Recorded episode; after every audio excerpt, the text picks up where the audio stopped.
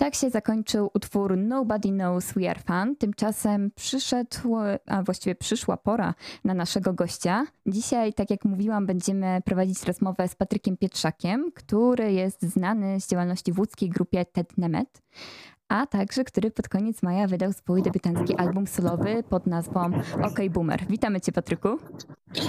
Witam słuchaczy radioaktywnego, witam Ciebie, Moniko. Dzięki. Skoro już zaczęłam mówić o Twojej działalności w TED Nemet, no to muszę od tego zacząć. Muszę Cię zapytać, jak to teraz wygląda? Czy nadal jesteś częścią tej grupy, czy raczej teraz zamierzasz skupić się bardziej na karierze solowej? Teraz zamierzam się skupić na karierze solowej, jeżeli tak można to w ogóle określić, bo nie wiem, Aha. czy to możemy w kategoriach kariery jakikolwiek jakby pojmować. Na pewno jest to wydanie płyty solowej, materiału zebranego i zdecydowanego jakby ukierunkowanego na wydanie solowe. Natomiast y, odpowiadając dosyć krótko na to pytanie, to, to, to, to skupiam się na moich rzeczach w tym momencie. Myślę, że jesteś trochę skromny, tak rezygnując z tego wspominania o karierze. No ale w takim razie, skoro właśnie powiedziałeś mi, że zamierzasz skupić się e, tutaj na e, pójściu solo, no to już ciśnie mi się na usta kolejne pytanie. Co pchnęło cię do tej decyzji o solowym albumie? E, tutaj też nie będzie jakoś niezwykle odkrywczo. Po prostu y, pisałem piosenki Mhm. W zespole Tetnemet byłem, e, można powiedzieć, e, no, głównym takim motorem napędowym, piosenkowym. Przynosiłem po prostu pomysły, teksty często skończone, utwory które rozwijaliśmy w, w tym instrumentarium TEDowym e, i chłopaki dorzucali własne pomysły, jakoś rozwijaliśmy, zmienialiśmy te rzeczy i na przestrzeni lat zacząłem po prostu nagrywać, bo taka też historia tej, powstania tej płyty jest, że zacząłem nagrywać rzeczy w domu, po tak. prostu tak. kupiwszy kartę dźwiękową, jakieś pro, proste syntezatory, później, później jakieś mniej prostsze, rozwijając instrumentarium, jakby bawiąc się programami, programami DAW do nagrywania mm, zacząłem po prostu nawarstwiać coś, czy, czym też interesowałem się kiedyś jako, jako chłopak nastoletni, 15-16-letni. Wróciłem do tego dosyć mocno i na którymś etapie po prostu okazało się, że mam y, kilka rzeczy, które, które mnie jakoś interesują y, już nie, już nie w, jakby w, nie jest to materiał, który chcę zanieść na próbę, tylko który chciałbym rozwinąć, z, zrobić coś więcej, rozwinąć to, co zrobiłem już. No, taka jest historia, jeżeli to wyczerpuje yy, odpowiedź. Myślę, że jak najbardziej wyczerpuje. No, tymczasem właśnie już y, mam kolejne pytanie do ciebie, ponieważ sam wspomniałeś o tym, że był to album częściowo tworzony w czasie lockdownu, w domowym zaciszu. No, w dobie pandemii właśnie pracy zdalnej, która stała się bardzo popularna, muszę cię zapytać, jak pracowało ci się w domu? Czy takie otoczenie bardziej pomagało ci się skupić? Mm, prawdę mówiąc, czas zamknięcia w domu, który teraz wydaje mi się już niesamowity, jak bardzo odległy, a raptem mija e, no, rok z hakiem.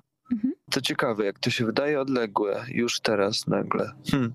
E, to, był, to był czas, który bardzo miło wspominam i on mm, był, był to taki bardzo intensywny przeżycia czas z racji tego właśnie zamknięcia, jakby tych przeżyć. Mam wrażenie, że człowiek był, wszyscy byliśmy trochę bardziej, trochę jakbyśmy się innymi ludźmi stali, wyczuleni na zupełnie jakby receptory takie jakby inne działały po prostu łapiące inne rzeczy i, i, i dla mnie to był przede wszystkim bardzo dużo czasu. Ja te decyzje o skończeniu tej płyty, bo ona była rozgrzebana, ja wcześniej już po, podjąłem jeszcze przed, przed y, wybuchem pandemii jakby dążyłem już do sfinalizowania tej, tej płyty i chłopaki z zespołu o tym wiedzieli, oni to w ogóle wiedzieli od, od, od dwóch lat przynajmniej o tym, no dwa, dwa lata, coś takiego, bo, bo płyta, materiał na płytę powstał cztery lata, więc jakby to dzięki temu, że było więcej czasu, to po prostu y, mogłem go poświęcić y, bardzo dużo na takie eksperymentowanie,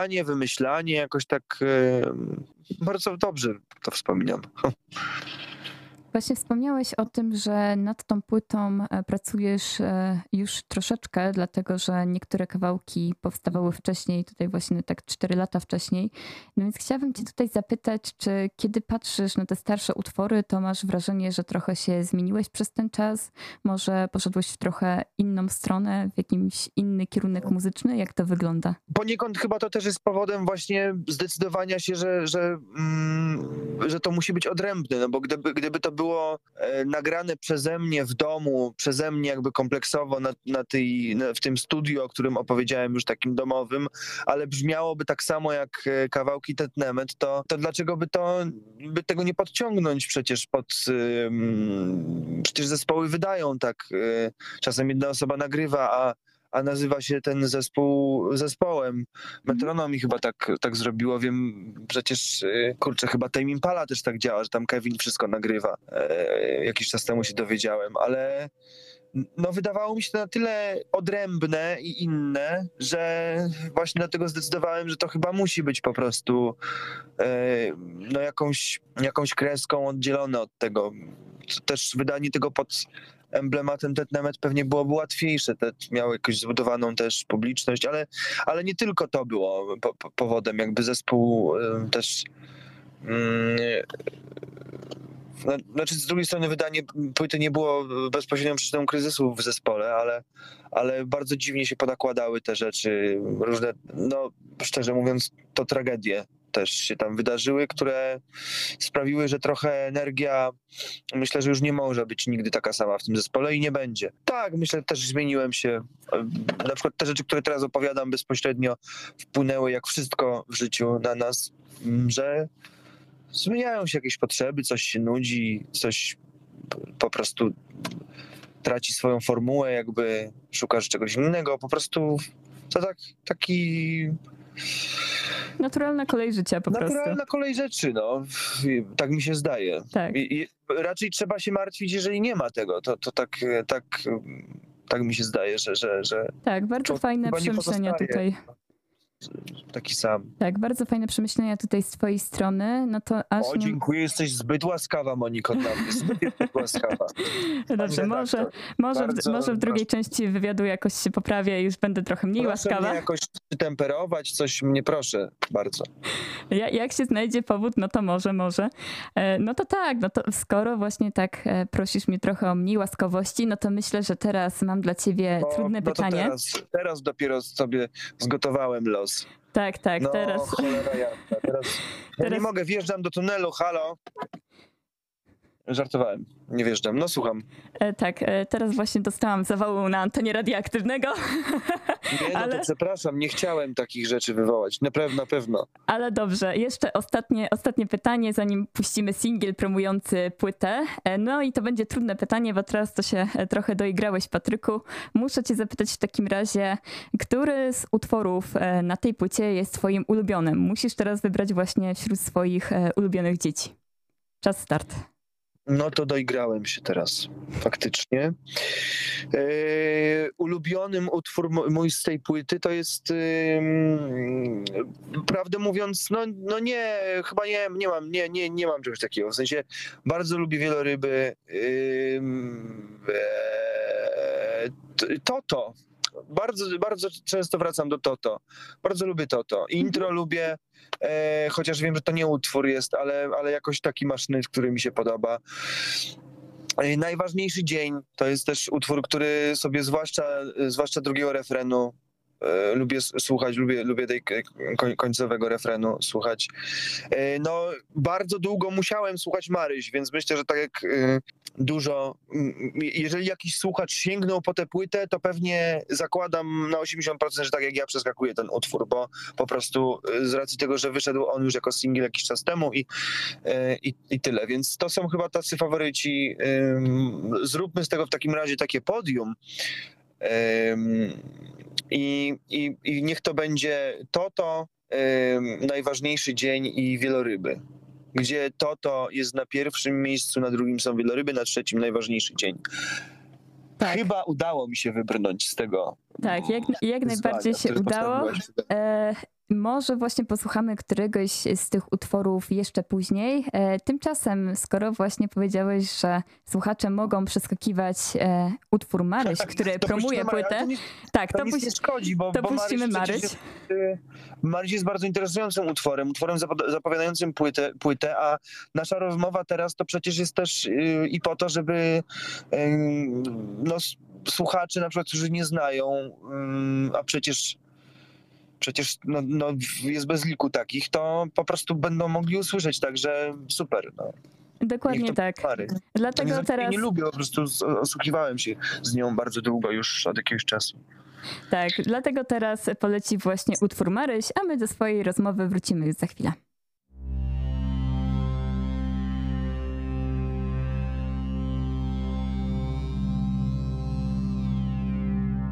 Groźna był singiel Maryś promujący e, album OK Boomer. E, oczywiście autorstwa Patryka Pietrzaka, z którym teraz wrócimy do dalszej części rozmowy. E, Także wiem, że do singla Maryś powstał również teledysk, w którym możemy zobaczyć parę jadącą samochodem, która początkowo rozmawia spokojnie, ale później zaczyna się kłócić.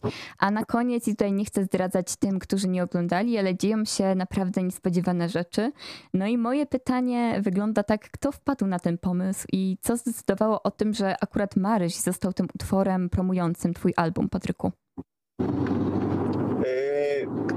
Ja miałem od początku pomysł na, na, na klip do Maryś. Aha.